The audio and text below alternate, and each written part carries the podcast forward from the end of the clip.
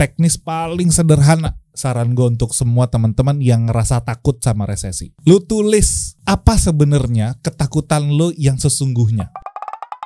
Kita kasih solusi. Coach Rene, Coach Ismail, Renat, Eder. resesi 2023. Ini banyak banget yang takut nih gara-gara katanya ntar tahun depan tuh banyak pengangguran. Pengusaha bakal hancur-hancuran karena udah nggak ada yang beli. Demandnya turun. Semuanya kebangkrutan, sulit ini, sulit itu. Tuh, ada lagi di berita tuh. CNN Indonesia, ancaman resesi kian nyata. Bagaimana nasib lapangan kerja Indonesia? Emang resesi apa sih? Ayo Der. Justru gue nanya, kalau kehadiran Anda di sini tidak bisa menjawab. Langsung diganti. Langsung diganti acara selesai. iya. Justru perannya host nggak perlu pinter tinggal tanya. Ngapain mau datengin lu pada? Tugasnya ngapain? Bener nggak? Iya, Eh, Gua- coba. Nggak gini. Gue mulai yakin ini salah host nih. nggak kan memang kalau dari eh, data yang ada kan katanya di tahun depan kalau Indonesia mengalami eh, penurunan itu akan terjadinya resesi. Kalau menurut saya. Nah, menurut Anda Anda dari pelaku-pelaku calon komisaris BUMN dan Menteri Keuangan seperti apa? Silakan berbicara. Kesian. Iya, Lempar dong. dulu deh. Oh, dia duluan nih. Boleh, boleh. Yuk. Kesian nih. Oke, gue mungkin gue mau mulai dengan dengan Hmm. eh, pertanyaan juga ya. Ya. Kalau lu bilang resesi itu apakah yang kita lihat Indonesia bakal eh, ekonominya hanya mengalami perlambatan pertumbuhan Atau, atau, tidak tumbuh sama sekali? Kalau yang gue nangkap dari audiens dan teman-teman sih eh, mungkin banyaknya di tidak tumbuh sama sekali. Hmm. Bahkan gue pengennya bahas di situ juga. Karena kalau dibilang perlambatan nanti takutnya udah nggak ditonton lagi. tapi kenyata- tapi kenyataannya forecastnya tumbuh 5,3 persen kalau nggak salah kan tahun 2003 tapi resisi di mana ya maksud gue kenapa digembar-gemborin banget Ya, oke, gini, gue mungkin ini gini, gini. Setiap semua yang ada di puncak pertumbuhan selalu akan ada turun. Jadi kalau lu lihat histori ke belakang gitu ya, dunia ini udah berapa kali sih gitu ya resesi? Apa yang apa yang kita ingat gitu yang menurut kita, wah ini parah banget ekonominya. 98. 98 98, Hmm, 98 sama pandemi kemarin. 2020 2008, 2020. 2008 tuh apa ya by the way? global 2008. financial crisis Yes. Oh, tapi Indonesia tumbuh tuh 4,6 persen oke. Oke. Nah, kalau kita lihat apa yang terjadi di setiap resesi menakutkan, iya. Parah banget apa enggak? Oke. Seberapa besar resesi akan menghantam kita? Wah, bisnis gua nggak bakal tumbuh. Atau gua harus mecat karyawan. Atau wah, gua sebagai karyawan gua bakal berhenti kerja di jangan-jangan berhenti. Apakah gue bener-bener bakal kehilangan order? Ya, yang ditakutin orang-orang begitu. Oke. Kenapa? Sebenarnya apa sih yang nyebabin resesi? Oke. Kenapa Indonesia diprediksi Mm-mm. akan mengalami perlambatan pertumbuhan ekonomi. Ada hubungan Agak- sama Cina nggak? agak lucu gini coach Hmm. Eh, kalau gue misalnya ngelihat dari pertumbuhan yang nanti bakal 5,3 persen katanya ya di tahun 2023 itu aja udah berlawanan dengan definisi resesi itu sendiri kan Hmm. di mana dalam dua kuartal tumbuh secara negatif year on year-nya Yes. berarti nggak ada growth bahkan dia jadi minus. Terus nanti 5,3 persen diprediksi bahkan eh, optimis untuk mencapai itu. Terus apa yang harus kita khawatirkan di sini gitu. Kalau seandainya memang prediksinya bagus. Hmm. dan kenapa nih? Maksudnya influencer-influencer finance influ ekonom-ekonom bahkan presiden kita juga bilang bakal gelap Iya itu dia tuh. Nih datanya dari CNBC aja tuh kalau terkait dengan tadi IMF belum ada yang bahas ya. Kan biasanya ada hubungan sama IMF juga karena kan Indonesia juga makin tergantung juga kan untuk ke sana ke sana. eh enggak juga dong kan udah bikin SWF sovereign Nah wealth makanya kita bahas nih itu. Dana Moneter Internasional IMF mempertahankan proyeksi ekonomi Indonesia untuk tahun ini sebesar 5,3 persen. Yes. Tuh dari 5,2 menjadi 5 persen pada tahun 2023. Oh, masih 5 persen Hmm. Iya. Oke. Dipangkasnya di situ. 2020 is the worst dua kuartal negatif Yes. Ka- tapi itu karena karena self induce ya artinya kalau kita bilang bukan dari fundamental ekonomi ya tapi self induce karena memang pembatasan-pembatasan kan bikin kita jadi produktif. Oke. Gini, Oke, what do you think? eh, resesi yang digembar-gemborkan itu kita nggak bisa lihat Indonesia berdiri sendiri. Indonesia itu bagian dari sebuah kegiatan ekonomi global yang gede banget. Hmm. Apa yang terjadi sih sebelum ini? Ada pandemi, terus ada perang Rusia, Yes. Ukraina. Hmm. Oke, ini semua punya faktor yang mempengaruhi perlambatan ekonomi dunia. Nah, iyalah. Oke, Oh, apa yang terjadi jika ekonomi dunia melambat? Maka kita, ekonomi kita bergantung kita ada ekspor, ada impor. Bahan baku kita mungkin diproduksi itu rata-rata 70% itu bahannya impor. Apa yang Oke. terjadi kalau bahannya nggak ada sama sekali Hmm. Atau harganya mahal banget? Oh berarti ngaruh ke supply chain. Yes. Hmm. Bagaimana kalau negara tujuan ekspor kita nggak lagi butuh produk yang kita mau Iya. ekspor? Komoditi. Kita kan gede di komoditi sumber daya. Iya. Dan komoditi harganya naik, harusnya kita diuntungkan kan? Jadi surplus. Demandnya turun. Oke. Oh iya. The problem is demandnya turun. Iya iya iya. iya. Oke, mereka melambat. Apa yang sedang terjadi sekarang di Eropa? Harga minyak mahal banget. Oke, harga minyak mahal. Akibatnya semua barang-barang komoditi primernya mereka juga naik. Setelah ini musim dingin, mereka harus bayar listrik luar biasa mahal karena butuh pemanas dan segala macam. Oh harusnya pakai surya panel tuh. Nah, tadinya duitnya yang mau buat jalan-jalan ke Bali jadi ketahan. Ya. Tadinya buatnya yang mau beli furniture yang datangnya dari Indonesia jadi ketahan. Makan restoran. Ya, yang mau makan di restoran jadi ketahan. Kira-kira impactnya itu real? Apakah akan terjadi resesi? Bisa jadi. Oke. Jadi kalau apakah bisa terjadi? Ya, karena kita lihat data, semua data riset makro, mikro bahwa ek- perlambatan ekonomi global itu sedang terjadi. Dan ini belum peak.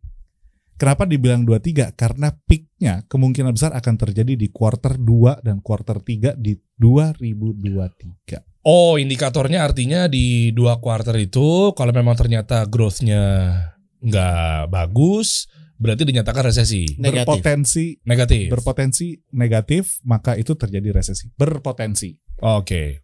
Pertanyaannya sekarang gimana caranya kita ngadepin potensi resesi ini? Itu dulu tuh, betul Oke. tuh. Apa yang terjadi kalau resesi? Apa yang terjadi kalau perlambatan ekonomi eh, ada di depan mata kita? Customer kita berkurang, daya jual kita menurun, inflasi bisa-bisa tidak terkendali. Oke, customer yang tadinya beli dua jadi beli satu. Hmm. Customer yang tadinya sebulan ada 100 bisa-bisa tinggal 50. Lu bakal ngapain kalau kayak gitu? Waduh. Tapi lumayan juga ya biaya skincare mungkin jadi turun nih. Loh, bener nggak? Bini gue jadi nggak beli skincare lagi kan? Lumayan. Atau bisa cari dari tempat lain yang gratis ya, Enggak atau dong. lebih murah. Ngapain bisnis gratis? Ada sarkas sekali ya. Cari endorsan. Enggak, maksudnya ditukar sama en, sebagai endorse Exposure. suaminya disuruh pakai juga gitu. tapi Iya iya iya. tapi gini, Hmm. eh, ini kan kalau ngelihat dari kalkul gue orang nyebelinnya gue juga ekonom gitu ya. Background gue ekonom. Tapi kalau gue ngeliat angka-angka itu ya suka mumet sendiri ya nomor satu. Eh, apa dan lo ngomong sama lima ahli, lima ahli punya pendapat-pendapat yang beda-beda gitu. Iya. Tapi memang kalau dilihat semuanya terkait resesi mengamini sih Mhm. bahwa 2023 Harusnya resesi. peluangnya besar. Ya, peluang untuk menjadi resesi itu besar dan uh, punya dampak yang nggak main-main. Dan menurut gue yang penting lo pegang nomor satu se- selain memahami dari mana dan dan gimana pahami dulu bahwa ini ada yang ngasih apa ya clue. Dan kalau udah ada yang ngasih clue kan kayak lo udah tahu lo udah tahu bakal hujan gitu ya. Bro bakal hujan. Bro bakal hujan bro bakal hujan gitu dan lo nggak dengerin kan yang problem lo gitu betul nggak Oke. kita masih bilang enggak masih belum hujan sekarang kata siapa hujan eh enggak nggak ada gitu dan lo nekat aja jalan akhirnya nggak bawa jas hujan Iya. jalan kaki kan akhirnya yang celaka lo Iya. gitu. jadi menurut gua uh, warning ini dipakai nomor satu pembelajarannya adalah untuk memastikan kalau keadaan paling buruk terjadi lo siap nggak sekarang Hmm. kita definisikan dengan adanya para coach di sini ada host-host ganteng-ganteng ini Hmm. Hal terburuk apa sih mungkin terjadi Hmm. ya, menurut gue yang perlu didengerin yang pahit aja dulu Hmm. ya nggak kalau ternyata nanti nggak terjadi kan bye-bye aja gitu ya Iya. ya kan dan kita bisa bahas, bahas terburuk kan mulai dari secara ekonomi secara eh, eh, apa secara perusahaan secara rumah tangga itu seperti apa Atau gitu. personally. kita lihat aja paling gampang dari pelajaran resesi terakhir yang belum lama ini sebenarnya gara-gara pandemi itu kan Mm-mm. Iya kan lo lihat efeknya apa sih buat lo masih masih ngefek nggak? Seperti apa coba? Oh. Nah itu. Jadi menurut gua kita sama-sama kita supaya nggak ini jadi acara para ekonom ya eh, kita kita coba tarik ke gimana nih risiko terburuk yang mungkin terjadi. Oke, nangkap gua. Artinya berarti di sini apakah bisa disamakan dengan kejadian yang kemarin pas pandemi itu orang-orang jadinya yang tadinya nggak kepikiran pivot, pivotnya dadakan. Artinya apakah ini bisa disamakan? Contoh misalnya, oh resesi nih berarti gua harus sudah nyiapin pivot nih nantinya nih. Lebih kompleks ya karena kalau Hmm. kemarin yang bikin simple itu adalah pe- pemicunya satu pandemi, Iya, ya kan? Dan Hmm. pilihannya adalah ya eh, pembatasan. iya oke. ya kan dan dan itu dipilih oleh pemerintah kita dengan segala macam pluses and minusnya. Hmm. ada yang maki-maki ada yang muji. Iya. Iya. nggak? Dan sekarang kita lihat efeknya. Negara kita sebut aja Cina masih mempertahankan zero covid. Eh, jadi efeknya mereka masih pembatasan. Tapi nggak boleh kita celak juga. Kenapa? Karena mereka menyelamatkan nyawa loh. Amerika udah angkanya jutaan yang meninggal Cina menurut hitungannya nggak tahu bener nggak tahu nggak. Cuman di angka tujuh ribuan sepuluh ribuan jauh di bawah jutaan jadi mereka bisa mengatakan ini menyelamatkan nyawa cuman efek yang berkepanjangan ini Cina tuh kan apa ya pabriknya dunia ya Hmm. Iya nggak? Iya. Dengan dia membatasi diri, artinya kan nggak mungkin seproduktif normalnya. Contoh aja kayak iPhone akhirnya udah mengalihkan sebagian besar produksinya ke India dan Vietnam Ke Cina juga. Oh makanya dari India- Cina. Hmm. Makanya India diprediksi lebih tinggi dari Indonesia nanti pertumbuhannya tuh bakalan. Pertanyaannya gini, kalau ngelihat kondisi seperti ini, pemicunya kalau sekarang lebih kompleks menurut gua, karena masih ada yang pembatasan kayak Cina, eh, sama eh, ada yang ada yang efek dari apa? Efek dari Amerika. uh, perang Hmm. ya. Terus efek dari Sisa-sisa ya biasa deh sentimen sentimenan gitu kan. Ya kan antar gue nggak suka sama lu gue mau nunjukin gue nggak suka sama lu tapi eh ternyata gue suka sama lu geopolitik lah. Ya nggak? Posisinya kan sekarang gue main sama siapa bener nggak sih? Gue main sama siapa nentuin bisnisnya gue gimana Oh. uh, trade-nya gimana dan ini jadi lebih rumit. Kalau dulu kan kita udah punya kesepakatan ya udah yuk kita sama saling berdagang boleh. Sekarang kan gue nggak boleh dipersepsikan dagang sama lu karena gue gue temennya temen lo atau musuhnya musuh lo Hmm. Iya nggak? Hmm. Taiwan tuh kan bikin bikin riweh gitu loh Iya, semuanya. iya, iya, iya. Bener gak? Iya. Apalagi bener gak sih? Iya, iya. Bener bener bener. Iya kan? Jadi sekarang tuh kayak orang tuh banyak mati gaya gitu dan politik korek, politically incorrect mesti gimana. Nah, jadi lebih kompleks dan ini yang mempersulit sehebat apa prediksi 2023. Dan transisi ke clean energy juga yang benar-benar. Oh, udah deh Kak, sorry ya Nat kalau ngomong kayak gitu ya. Kita udah gagal total deh ya. Kalau kalau maaf ya, maaf ya. Yang mana? Yang mana? Sisi yang mananya? Lo kita nggak siap sama sekali. Lo mau ngomongin transisi Iya. transisi apa? Clean energy. Renew, clean energy. We're not ready. Dari We're far behind. Oke. Mau pakai ukuran Peng- yang mana silahkan. Pengaruhnya apa sih coach? Kalau kita ketinggalan, kita punya batu bara banyak, punya semuanya banyak coach tenang aja. Iya kan, tapi kan gini, yang paling gampang kan kalau batu bara kan yang bisa beli kan bukan cuman kita. Dan kalau semu- kemudian yang butuh batu bara bahkan Asing. di di di kayak di Jerman ya, Hmm. mereka udah mengaktifkan kembali batu baranya. Kenapa? Karena udah kagak dapat Resources kagak dapat resources. Jadi berarti Jadi mereka mampu beli lebih susah dong. Lebih mahal dari sini dan kita punya batu bara akhirnya di, lebih banyak diekspor. Iya Zero kalau orang yang mikirin cuan kan akan mikirin loh Iya, mending kalau. PLN beli dari gue Iya. berapa? 40 60 dolar. Di sana mau beli 120 150 no brainer, gue kirim ke sana. Iya. Lebih cuan. Berarti ketergantungan kita sama fosil oil, maka bara dan lain-lain. Tidak kecuali ada pendekatan holistik, this will not change in the next 10 years. Oke. This will not change. Holistic. Oke. This will not change. Nggak ada lah, susah. Gitu dan PR besarnya menurut gue eh, kita jangan reaktif sih. Dan ini kan makanya ada ada kita coba pengen ngobrolin. Menurut gue paling berbahaya mendengar isu, mendengar potensi bukan isu. Kabar tentang resesi atau apa pun adalah kita jadi reaktif. Loh, gini coach. Social unrest. Iya. Social unrest itu kan pada dasarnya semua karena kalau gue nanya 10 orang, 10 puluhnya menurut lu tahun depan gimana? Jelek, jelek, jelek, jelek, jelek. Akhirnya semuanya kan mikir, oh ya Allah jelek. Dan kita malah menjadikan itu kenyataan, bener gak sih? Mhm. Ya semua atas izin Allah. Tapi efeknya adalah kita jadi lebih takut kepada satu sama lain, ngelihat jenggot tebel Yes. mulai takut gitu kan. Terus ngelihat Iya, iya. Ya, dan efeknya apa? Bugiman bener gak sih? Kita cari orang yang gini orang kalau takut apa yang dibutuh? Iya. Gue kalau bisa nyalain, gue nyalain satu orang siapa sih gue salahin deh. Hmm. Bener nggak? Iya. Dan efeknya apa? Kita nggak kreatif. Yes. Gue mau ada sedikit uh, sharing nih kan Hmm. um, masalah ngadepin resesi tadi. Hujan loh, nih mau hujan nih mau hujan mau hujan tapi kita diam aja. Sedangkan uh, dulu ya dalam Al-Quran sendiri bahkan ya Nabi Yusuf alaihissalatu wassalam ketika ngedengar Masya mimpi seorang raja, Hmm. ya kan akan ada tujuh sapi gemuk yang makan dimakan sapi kurus dan lain-lain. Intinya yang ditafsirkan akan ada tujuh tahun kesuburan kemakmuran lalu akan disusul dengan tujuh tahun kering atau tujuh tahun eh, kemarau dan tanaman yang hijau, tanaman yang Hmm. kering dan lain-lain.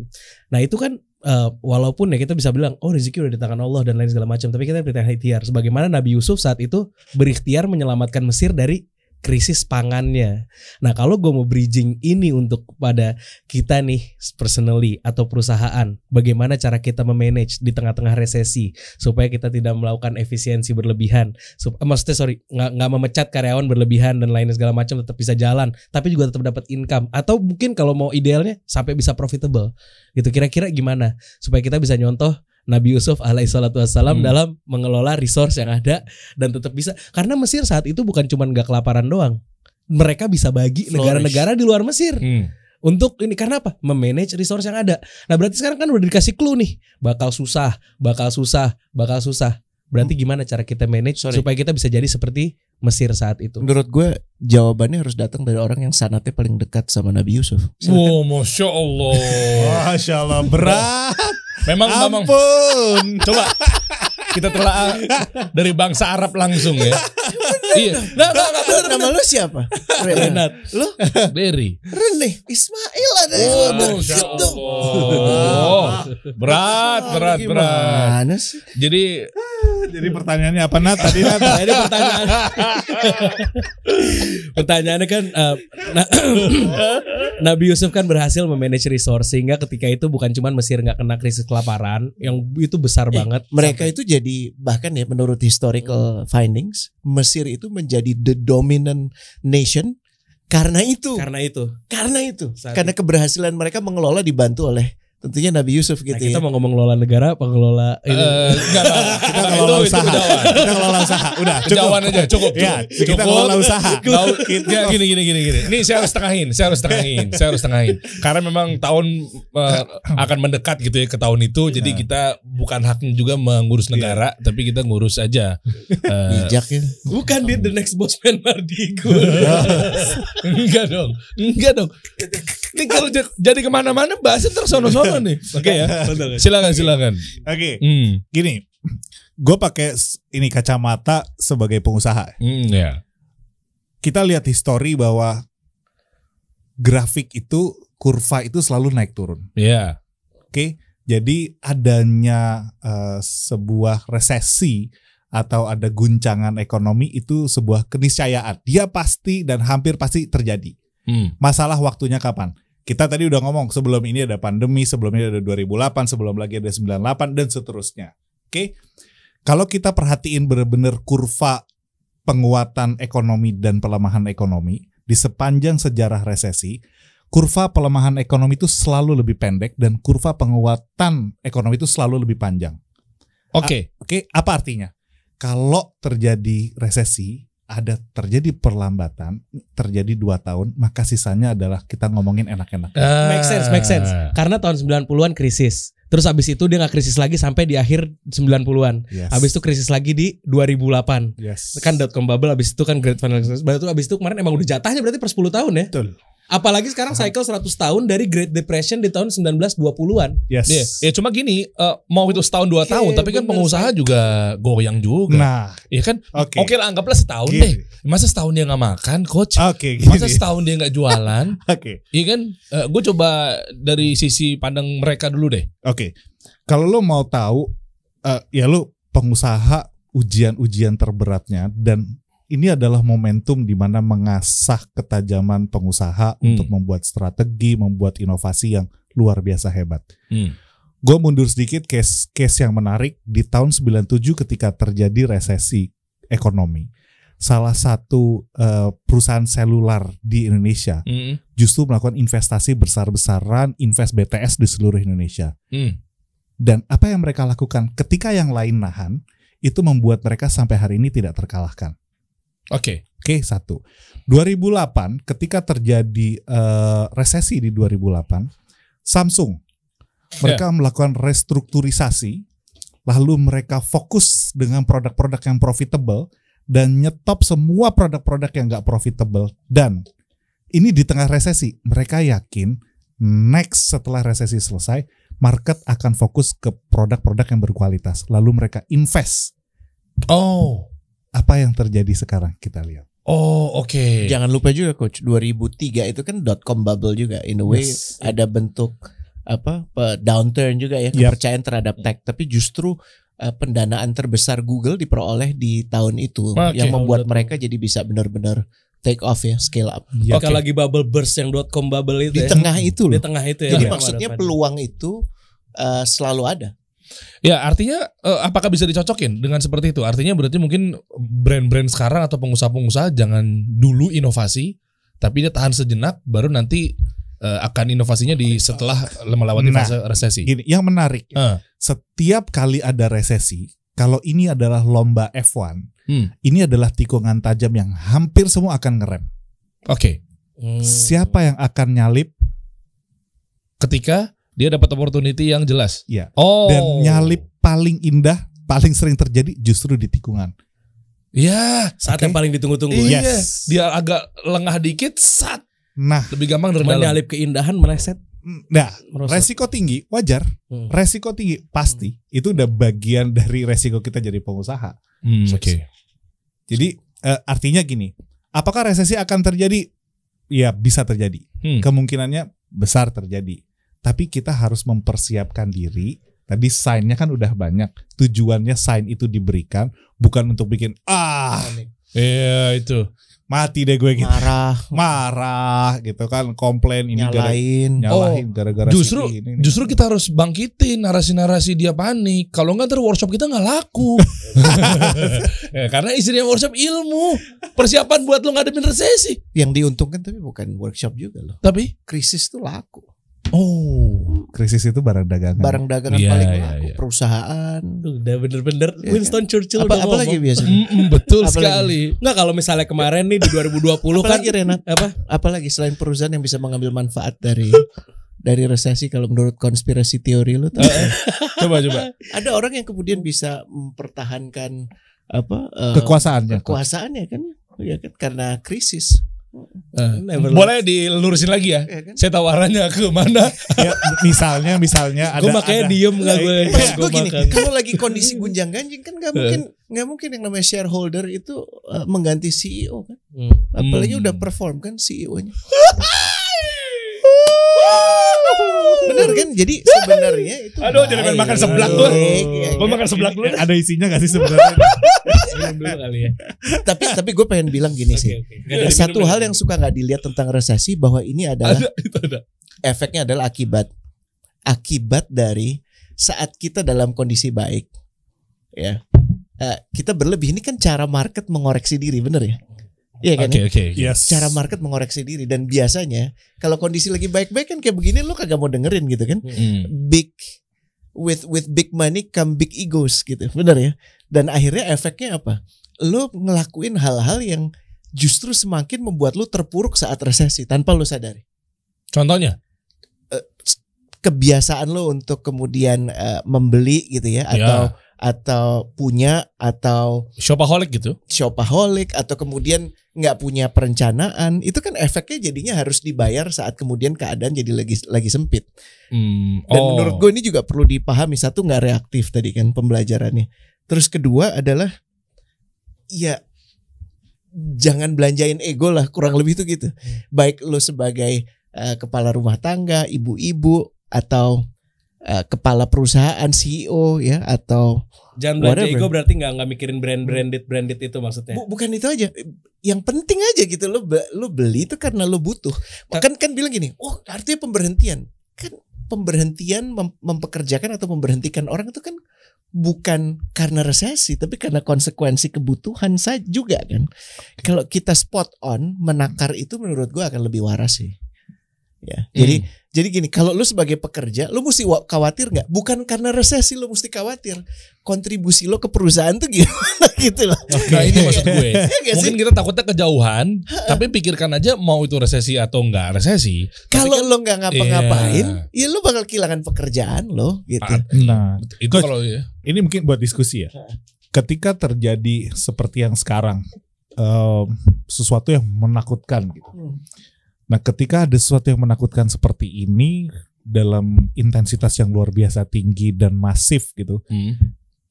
orang tuh biasanya punya kecenderungan untuk berpikir tidak rasional. Betul. Sedangkan ini harus disikapi dengan Sangat rasional. rasional. Gimana caranya? Kita sebagai pengusaha kah atau sebagai karyawan kah gitu kan? Situasi menakutkan gini itu tetap berpikir rasional. Uh berat tuh. Hmm. Iya tuh. No- nomor satu ya dengerin channel ini kan. Oke, masuk. Masuk. Apalagi yang tiap hari dua. Ahad ya. Iya, nomor dua workshop kalau yang ditawarkan di sini Hmm. langsung diambil apa lagi dong? Betul. Ya kan karena kita angkat itu kan adalah harapan. Dan ini diedit aja ya malu. Loh, udah udah di smash tadi di rewind gimana sih? Udah gitu dikatanya Loh. co-foundernya nggak ada guna sama sekali. Boleh Gimana? saudara ini ditarik aja nggak? enggak maksud gue Nat, orang buat revenue kita juga. Buat gaji anak-anak di sini. Itu mukanya udah susah-susah kayak gitu kan. Ta- tapi benar. Sorry coach. ta- tapi emang apa ada bukunya kan yang Black Swan ya. Hmm. Uh, the worst of the worst tuh uh, pernah terjadi dan sometimes we don't realize gitu ya kayak perang dunia kedua itu efeknya dahsyat tapi efek dorong habis itu juga dahsyatnya biasa. luar Iya, iya. biasa. Yes. Ya belum pernah ada dunia mengalami produktivitas sepanjang itu. Gitu kan salah satunya periode damai waktu itu Hmm. dan setelah perang besar gitu. Ini sama sekali nggak mengisyaratkan akan terjadi perang besar atau malhama atau apa pun itu ya. Tapi Hmm. PR Amin, amin. PR PR kita menurut gue ya itu tadi sih. eh, ini pertanyaan yang menarik dan ini kita harus bahas nih. Kita kan kadang-kadang suka bandulnya tuh coach. Ekstrim kan ya. Iya. Abis sangat takut atau sangat, berani optimis. gitu kan. Jadi lo nggak di tengah. Sementara rasionalitas itu ngajakin kita di tengah. Oke. Ngajakin kita mesti punya apresiasi terhadap apa yang kita takutkan, punya pemahaman bagaimana kita punya keberanian. Nggak nggak ekstrim. Nah, rata-rata ekstrim yang terjadi. Gitu. Oh, nggak ada apa-apa, salah. Atau oh hancur, salah. Mungkin Hmm. rasa lelah kali coach ya. Kita baru ngelewatin yang bener-bener resesi. Yang di tahun 2020 kemarin yang bener-bener kita ngerasain kesulitan yang bener-bener berat. Terus tiba-tiba 2023 ini kan tadi dibilang sama coach Ismail resesi 2 tahun, masa ekonomi kurva naiknya bisa 8 tahun, bisa 10 tahun, bisa 7 tahun, lebih lebih panjang. Dia udah Ini kehajar kan lagi. baru nih. Enggak justru gini. Baru enak-enak dikit nih, Iya, baru enggak. maksudnya kayak kayaknya ini tahun gue nih gitu. Tiba-tiba dikabarin tahun 2023 gelap lagi loh. Tapi coba ada Kan angle lain sakit juga Nat. perut asam lambung kita Iya. naik gitu. Enggak, tapi ada angle juga yang udah terbiasa dengan seperti itu sebenarnya juga nggak ngurusin juga. Ada juga angle itu loh. Ngerti nggak? Misalnya udah kebiasa dengan dulunya pandemi, jepret, ya kan? Terus tiba-tiba ya udah, begitu ada datang sebenarnya harusnya dia tuh nggak merasakan yang parah banget harusnya. Oke. Mungkin angle-angle itu ada Men- ya menurut- berbagai macam angle memang. gimana ya? Gue gue nanya lo kepada kita kita di sini yang punya usaha gitu. Hmm. Apa sih yang buat kita sebenarnya eh, memulai usaha ini gitu kan? Iya kan? Hmm. Kalau kalau cuman cari duit aja banyak cara gitu. Tapi kenapa Ismail milih eh, Zahir gitu kan? Dan ini salah satu yang udah lama sekali gitu kan. Dan you manage to do that gitu. Mungkin ini yang menurut gue perlu didengar udah lewatin berapa krisis kan? udah melalui beberapa krisis Iya, dan akhirnya pasti ada rule of thumb yang dipegang gitu. Apa sih yang bikin lo bisa go through that crisis, next crisis, following crisis itu gimana? Dan menghadapi resesi 2023 ntar gimana planning-planningnya? Berat bener pertanyaannya. Loh 25 tahun hasilnya. Oke. Ini Pengaruh pendukung siapa nggak? Eh enggak. Ya, boleh. Tolong fokus dulu. Ahem. Boleh, ntar dulu disampingin dulu ya. Fokus fokus fokus. Oke. Derry for President. Wah. Ya, ya. Oke, pertanyaan yang menarik ya. Hmm. Pertama kita ini gue pribadi ya. Mm-mm. Gue pribadi ketika situasi chaos nih, situasi chaos, maka by default kebanyakan orang akan kehilangan rasionalitas. by default kebanyakan. Oh iya iya, setuju sih. Oke, Iya. panik. Mm-mm. Oke. Nah, situasi itu, kepanikan itu membutuhkan leader yang menentukan arah. Oh. Saya udah kalau dengerin leader kayaknya Gimana gitu ya. oke lanjut. Oke ya. Mm-mm. Jadi butuh leadership. Ini mungkin pelajaran dari eh, pengalaman kita di di kantor. Gue 2000 eh, sebelum pandemi, sebelum pan- pandemi itu 2020 Maret di kita Maret ya.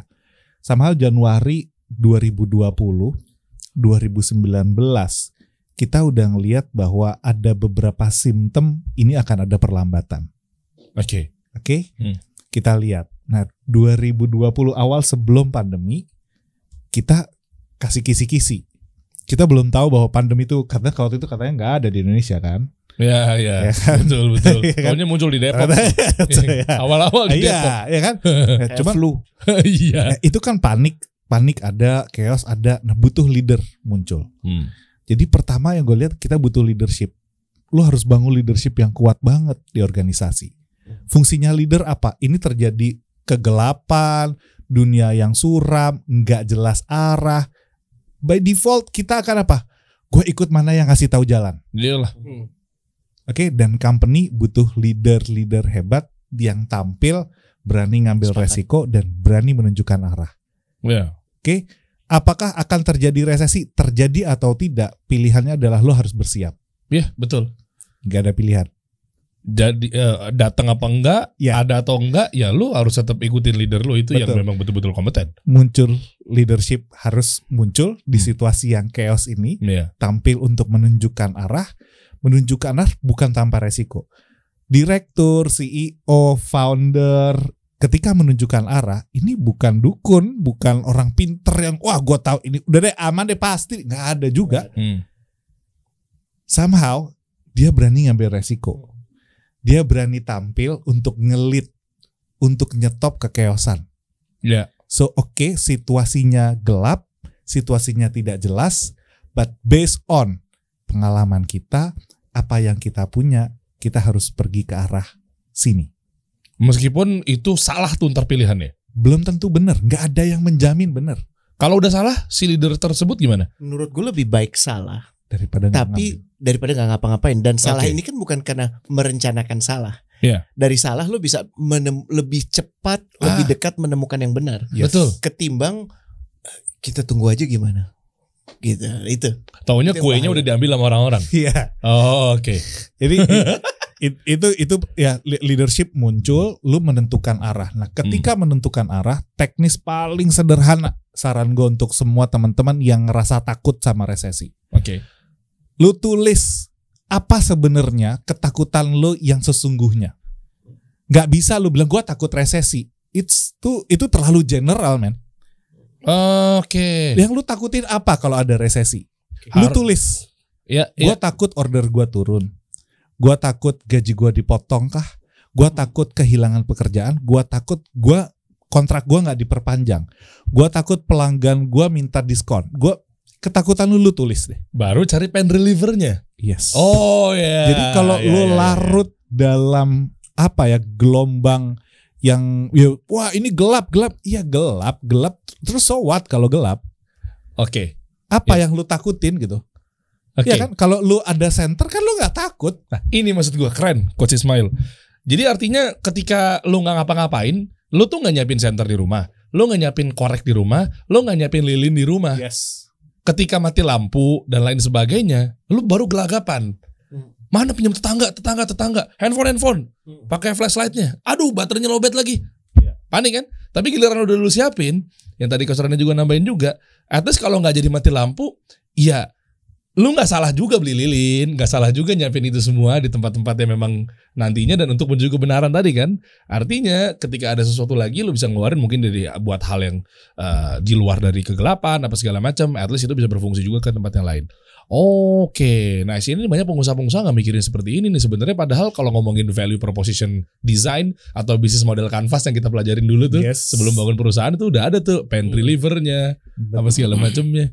betul Oh, oke. it- itu pengalaman gue beberapa kali sih begitu jadi leadership penting habis gitu ya lu harus mengambil langkah nggak bisa diem dan belum nggak ada yang bilang jaminan bahwa lu pasti benar juga nggak ada men Itu Iya. pun juga leadernya harus yang dari organ eh, itu pun baru yang leader di organisasi. Iya. Artinya kita juga butuh leader juga di sebuah negara dong ya.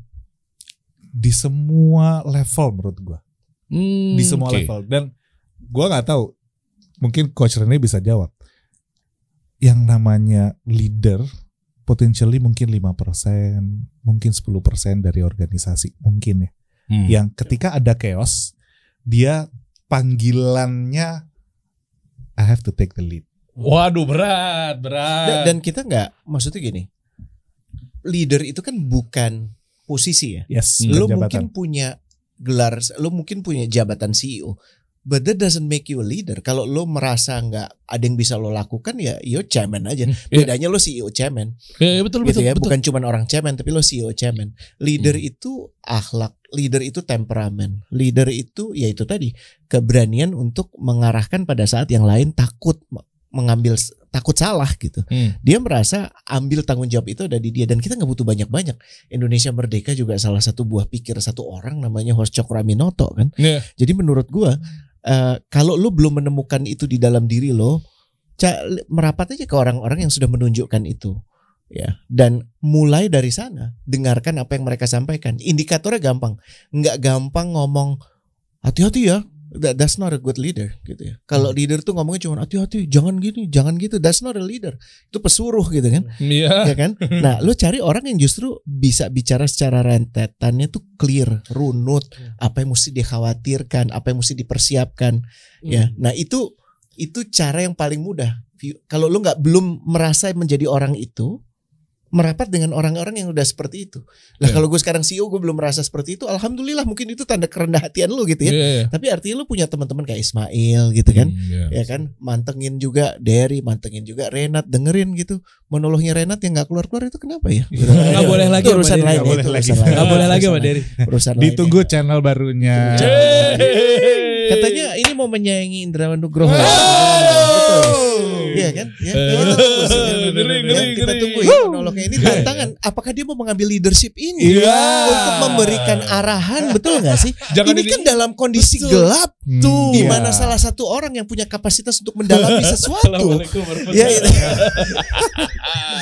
Langsung dibandingin sama Lah, tapi Indrawan. bener loh. Indrawan Nugroho. Bisa juga dicari. Iya, iya, iya, iya. Tapi tapi menarik ya. Tadi kan Coach. Rene bahas mengenai host Cok- eh, host Cokro Aminoto apa segala macam ya. Artinya eh, bahwa sebuah leader pun juga nggak harus dia mungkin backgroundnya seorang ini tadinya Hmm. dan lain sebagainya. Kayak kita lihat ya misalnya sebuah kepemimpinan atau mungkin negara apa segala macam ya. Nggak melulu template dia tuh harus orang ini. Nggak ada. Iya kan? Nggak ada. Nggak harusnya template dari orang ini. Nah itu masih works gak sih? Masih loh. Kan ini kan Hmm. pilihan ya. Maksud gue, lu bisa ditempa dari mana aja gitu. Bisa ya, barusan tadi kan bilang Nabi Yusuf. Iya. Ya kan? Hmm. Apa sih credentialnya? Iya. Apa kan pendidikan lu di mana gitu kan nggak ada yang nanya Nabi Iya. Yusuf seperti Bahkan itu. ya. Nabi Yusuf besar sebagai budak di kerajaannya. Hmm. Tapi dia Kerajaan. nggak cuman sebagai budak aja kan? Hmm. Sebagai budak dia tahu dia cerdas, dia mengamati bagaimana Hmm. itu intrik-intrik pemerintahan, para politisi dan dia belajar dari situ. Hmm. Jadi menurut gue yang lo lakukan sekarang kalau ada kejadian apa pun observe, pelajarin. Observe. Jangan cuman jadi akibat gitu ya. Hmm. Kita kan sering jadi akibat ya, terus Hmm. efeknya marah. Terus ngeliat ada isu KDRT ini marah-marah, eh baikan lagi, terus bingung lagi gitu kan. Terus Iya. akhirnya kita jadi kayak jadi maksud gue jadi konsumen aja gitu loh. Tapi kita nggak observe. Iya kan? Ada apa sih sebenarnya di balik Betul. ini? betul. Dasarnya apa sih? Ya itu ya mungkin nih bisa jadi mungkin ada demand creation di situ ujung-ujungnya ada konser cinta lama bersemi kembali bersatu kembali kan kita nggak tahu di acara TV-TV. Ya maksudnya kan kayak gitu-gitu kan mungkin bisa terjadi. Kita ini terlalu sering membiarkan diri kita jadi apa ya, penonton. Yes. Ah. Dan kalau kita nggak suka, kita teriak. Ya kan? Hmm. Kita kalau kita suka, kita tepuk tangan. Hmm. Tapi nggak ngambil nggak ngambil ownership itu problem gue, terutama terkait resesi re- resesi ini. mengenai resesi lagi nih kan eh, dampak resesi itu untuk eh, beberapa kalangan kan beda-beda ya coach ya dalam kekhawatiran mereka beda-beda.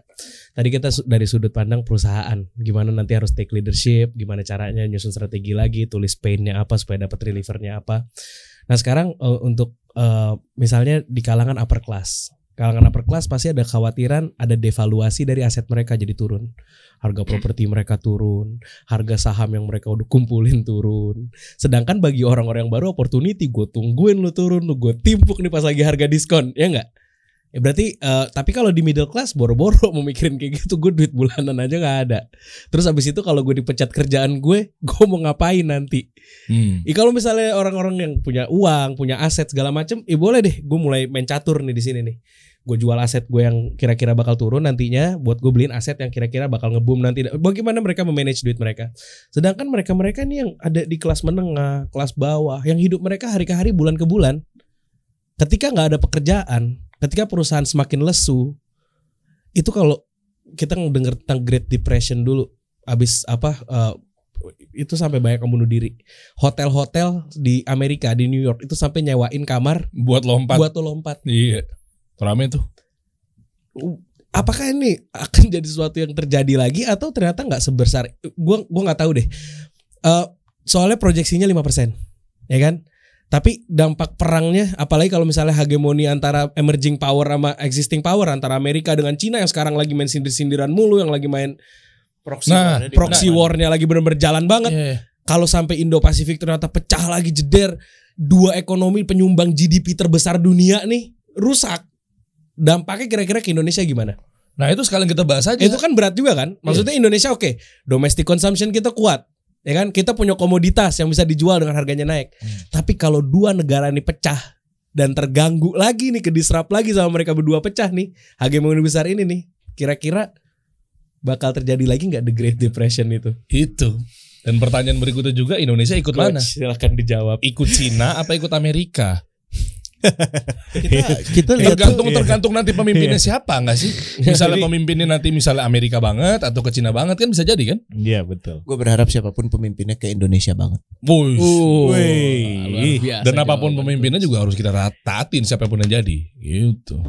Setuju. Tapi lihat deh, Iya coba. itu 2020 sih gue nggak Nah. nggak. Ya ini kalau kita tadi Renat kan bilang eh, kaitannya dengan tatanan eh, ekonomi Ekonomi global, bagaimana kalau GDP dua negara yang ekonominya Penyumbang kuat terbesar. itu penyumbang terbesar GDP dunia itu ya, impactnya mereka turun gitu kan?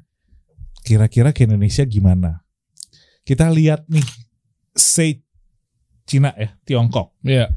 Tiongkok itu kita lihat mana datanya. Ekspor Tiongkok itu nah negara tujuan ekspor non migas itu Tiongkok sama Amerika aja itu udah 30%.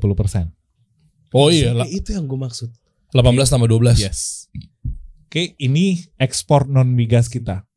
Artinya kalau perlambatan ekonomi terjadi di sana, maka ekspor dari data ini non migas kita berpotensi turun. Oke. Apa yang terjadi kalau ekspor kita turun, maka pendapatan devisa kita bakal turun. Iya. Ya kan? Hmm. Teman-teman yang eh, tadinya bisnisnya ekspor eh, mungkin eh, sekian X jadi mungkin turun, yang tadinya karyawannya 100 mungkin jadi nggak 70. bisa lagi jadi harus 70 dan seterusnya. Rupiah ambrol. Rupiah ambrol lah, itu hal-hal yang menakutkan. Tapi ya terlepas dari data ini, menurut gue gini, Indonesia tuh punya keberkahan yang luar biasa karena konsumsi domestik yang gede banget. Iya. Oke, Negara konsumtif. ya, lo tau nggak ada ada begitu banyak negara yang sekarang ekonominya suffer karena mereka menahan laju pertumbuhan penduduk. Apa tuh? Ada Jepang, Oh. Termasuk Cina, bro. termasuk Cina, Cina kalau program satu keluarga satu anaknya waktu itu tidak dijalankan, potensinya Cina saat ini harusnya jauh lebih besar Oh, daripada sekarang. Lebih ngeri ya. Oke, Indonesia dengan kekuatan jumlah penduduk yang segitu besar, konsumsi domestiknya yang luar biasa besar, maka insya Allah resesi pun kalau terjadi, impactnya menurut gua tidak akan sehebat apa yang terjadi di pandemi kemarin. Exactly. Hmm, oke. Karena chaos yang terjadi di tahun 2008 aja, global financial crisis kita masih tumbuh 4,6 persen kalau nggak salah. Yes. Zamannya Pak SBY dulu. Walaupun Yang karena konsumsi domestik itu kan, Yes. domestic consumption. Walaupun landscape-nya waktu itu berbeda. Kalau sekarang ini kompleks seperti yang tadi Coach Yes. Rene bilang, kompleks banget. Ada, Ada supply- pandemi yang Supply chain. impact dari pandemi itu rasanya belum selesai, Hmm. ada supply chain yang terganggu karena ada perang, ada perlambatan ekonomi di negara-negara penyumbang GDP yang luar biasa besar gitu. Jadi akhirnya ya kita harus berpikir agak keras gitu ya untuk memastikan bahwa kita siap menghadapi resesi. Gak ada ruginya. Lo harus siap. Intinya itu sih. Intinya lo harus siap. Salah Terus- satu hal yang menurut gue eh, harus kita ubah cara pikirnya adalah em, mungkin terdengar naif tapi nggak apa-apa berisiko kontroversi toh kasih solusi juga gitu ya. Hmm. Eh, cara pikir bahwa eh, kita upper class nanti gimana, middle class gimana, lower class gimana itu kan cara yang di perspektif yang ditanamkan orang yang jajah kita dulu sebenarnya. Oke. Kalau kita ngelihat orang yang punya duit banyak bukan cuman em, preservasi aset atau preservasi wealth, menurut gue mereka bisa melihat ini peluang untuk upgrade orang yang ada di bottom 40%. Dan untuk ngangkat bottom 40% itu yang di bawah 40% diangkat ke atas itu peluang bisnis yang gede banget. Gini deh, kalau ini satu negara mau komit untuk renewable, Wah. the whole industry itu akan memunculkan industri-industri baru yang dahsyat sekali. Susah tapi coach. Karena terlalu cuannya terlalu mudah kan untuk garuk tanah ya kan. Terus sekarang pertanyaan yang selalu gue tanyakan, kenapa sih kita nggak buat aturan aja semua pengusaha batu bara keluarganya tinggal di tempat batu bara, Hmm. ditambang aja tinggal di situ. Kan isunya cuma satu, lo ngambil di situ itu hak ekonomi lo kok. Cuman kalau lo ada habis ambil, dibiarin begitu, ancur-ancuran kan lo per- pergi. Betul nggak? Oke. anak lu di Singapura, istri lu mungkin tinggal di London, ya nggak? Hmm, oke. Eh, iri, iya sih, gitu ya. Tapi di sisi lain, gini, ada perspektif yang lu mesti pertahankan bukan cuma untuk kepentingan lo, keluarga lo, perusahaan lo saat ini, tapi yang lebih lebih long lasting dan yang lebih long lasting adalah kita kudu mikirin planet ini karena yang lo acak-acak mungkin di pulau lain tapi pulau lain punya efek ke sini dan kita jadinya kagak pindah-pindah ke energi yang lebih sehat Ah. Lo lihat yang namanya lo tinggal di kota besar itu berapa sih eh, life expectancy lo terkoreksi ya semua Yes. ajal atas Izin atas Allah. izin Allah. Ya tapi kalau lo tahu kualitas udara lo seburuk itu karena pilihan energi mix lo dan lo merasa bye-bye aja bahwa 90% setiap kali lo nyolok listrik itu dari dari sumber-sumber yang bikin lo semakin sesak, PR-nya apa? Gimana sih kita yang punya kapasitas lebih ngupgrade yang bawah? Itu yang paling penting. redistribution of wealth meredistribusi No. gimana Kalau redistribution of wealth itu kan kelas eh, ini banget gitu apa eh, terlalu idealistic. Create create Iya, new itu. new industry, Ya, apa create gitu? new perspective. Cuma kan gak semudah itu coach nge-create itu. Of course not, tapi yang dibutuhkan apa? Jangan ngelihat apa pun itu dilarikan ke wealth preservation. Yang penting gue selamat, yang penting perusahaan gue selamat. Itu dulu itu kan insting. manusia gitu Makanya survival instinct itu kan gimana caranya? Ya lo harus sadar tadi kan dibilangnya gitu.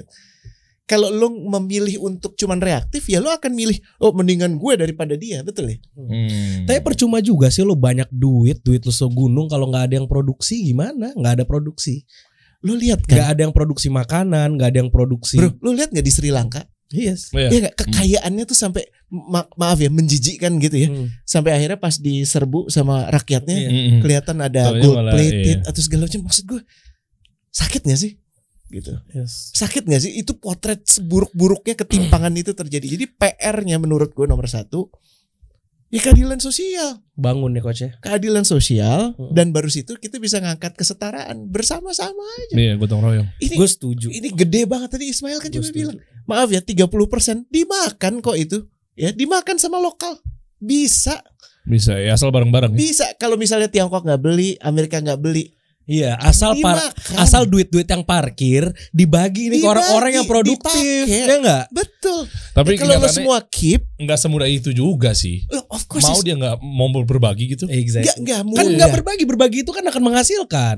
Kalau lo maksudnya gini, Kalau- lo ngasih modal, modal itu kembali return lebih gede dan bermanfaat untuk semua kan baik sebenarnya der. Hmm. Cuman kan Gua yang takut tahu, adalah, oh ini bakal krisis, oh bakal kayak gini, duit makin dikekep. Jadi Itu- emang tadi sih jawabannya udah di cakep banget. Ismail udah bilang leadership Iya. dan leadership yang isinya apa ya? Yang yang nomor satu yang yang mengarahkan ya kayak kita bersama-sama ke tempat yang lebih baik. Betul. Mungkin eh, bahasa gue kita butuh leader yang punya keberpihakan yang clear. Setuju. Thank you. Ya, sekarang ka- ini ini dikit ya. Kalau tadi kita ngomongin eh, ini kan resesi dan salah satu yang jadi isu tadi eh, ya global warming dan segala macam, termasuk ketersediaan bahan pangan dan segala macam.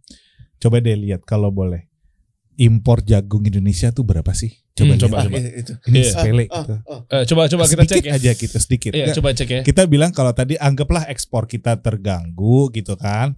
Terus tapi kalau ekspor kita terganggu, oke kita barter, kita oke tahan impornya lalu kita berpihak sedikit aja ke dalam negeri. Iya, coba ke jagung ya. Datanya benar-benar yang Ya, jagung jadi ya. sebenarnya kita kemandirian itu bisa Oke. ya. Bisa. berapa impor jagung Indonesia setahun.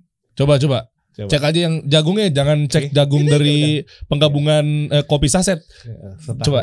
Kan itu ada katanya dari jagung juga katanya. Tapi yang jagungnya benerannya aja. Itu tuh ada. tuh. Coba. 995 ri- Ton, eh ribu ton. seribu ton. Republik Indonesia impor jagung 999 ribu, 995 ribu ton dari Thailand Gila. sampai Argentina. Tahu nggak 995 Oh ini impor ya bukan ekspor. Iya. Sorry. ya ribu Oh ini impor. oke ribu ton. Itu Hmm. kalau dikiloin berapa? 995 ribu Seribu ton aja. tambah seribu lagi aja. Ya Oke. udah, Berapa kalau di rupiah? triliun. Kalau dikiloin jadi berapa? Kan 9 995 ribu. Jadi sama dengan 995 juta kilo. Oke. Oke? Bayangin kalau impor ini nggak ada, Para Oke. pemodal modalin para petani. petani itu. kita kita Hmm. kasih untung seribu sekilo, bro.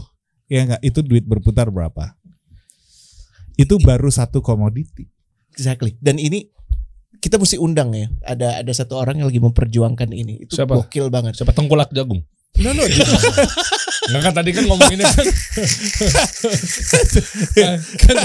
kan dari tadi bisa tegang semua sih serius mulu. Timbu coach. Timbu Enggak, enggak gini. Dari, dari tadi serius mulu. UMKM kita pusing coach. Hey, jangan tinggi-tinggi. Dari tadi gue nungguin nih half punch mana nih punchline nih.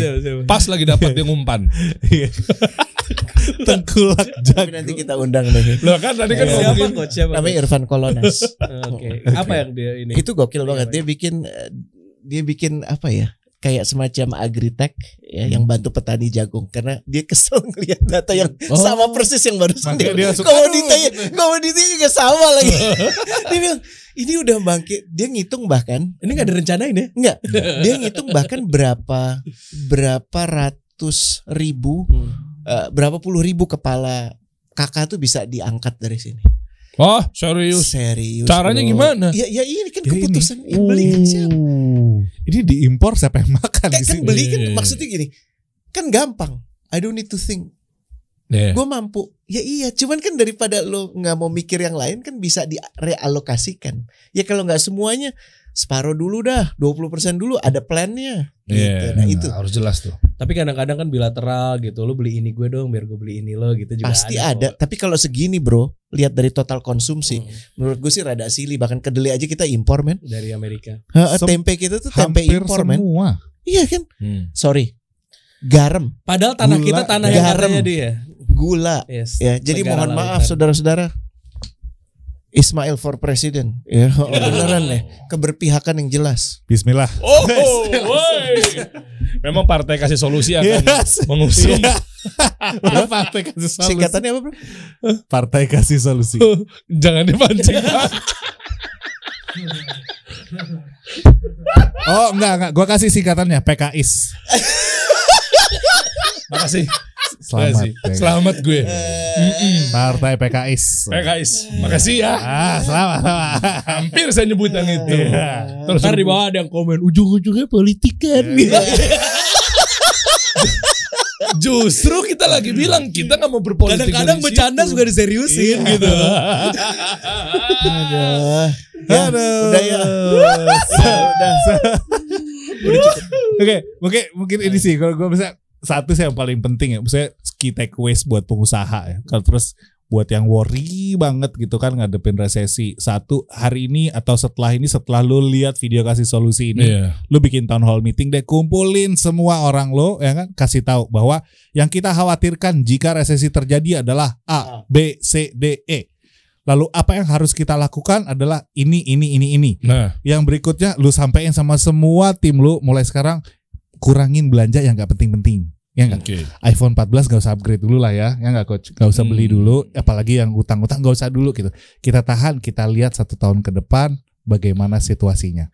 Mudah-mudahan kita ketemu Nanti jalan pegawai- dan direnovasi. Pegawai iBox pada di PHK, pegawai iPhone ini yang Nggak Beli usah iPad aja, lagi. beli iPad Jangan dulu. Apa selain terakhir? Enggak, enggak, Tutup dong, tutup dong. Ini udah mau ditutup. Lu angkat masalah lagi. Kita kasih solusi.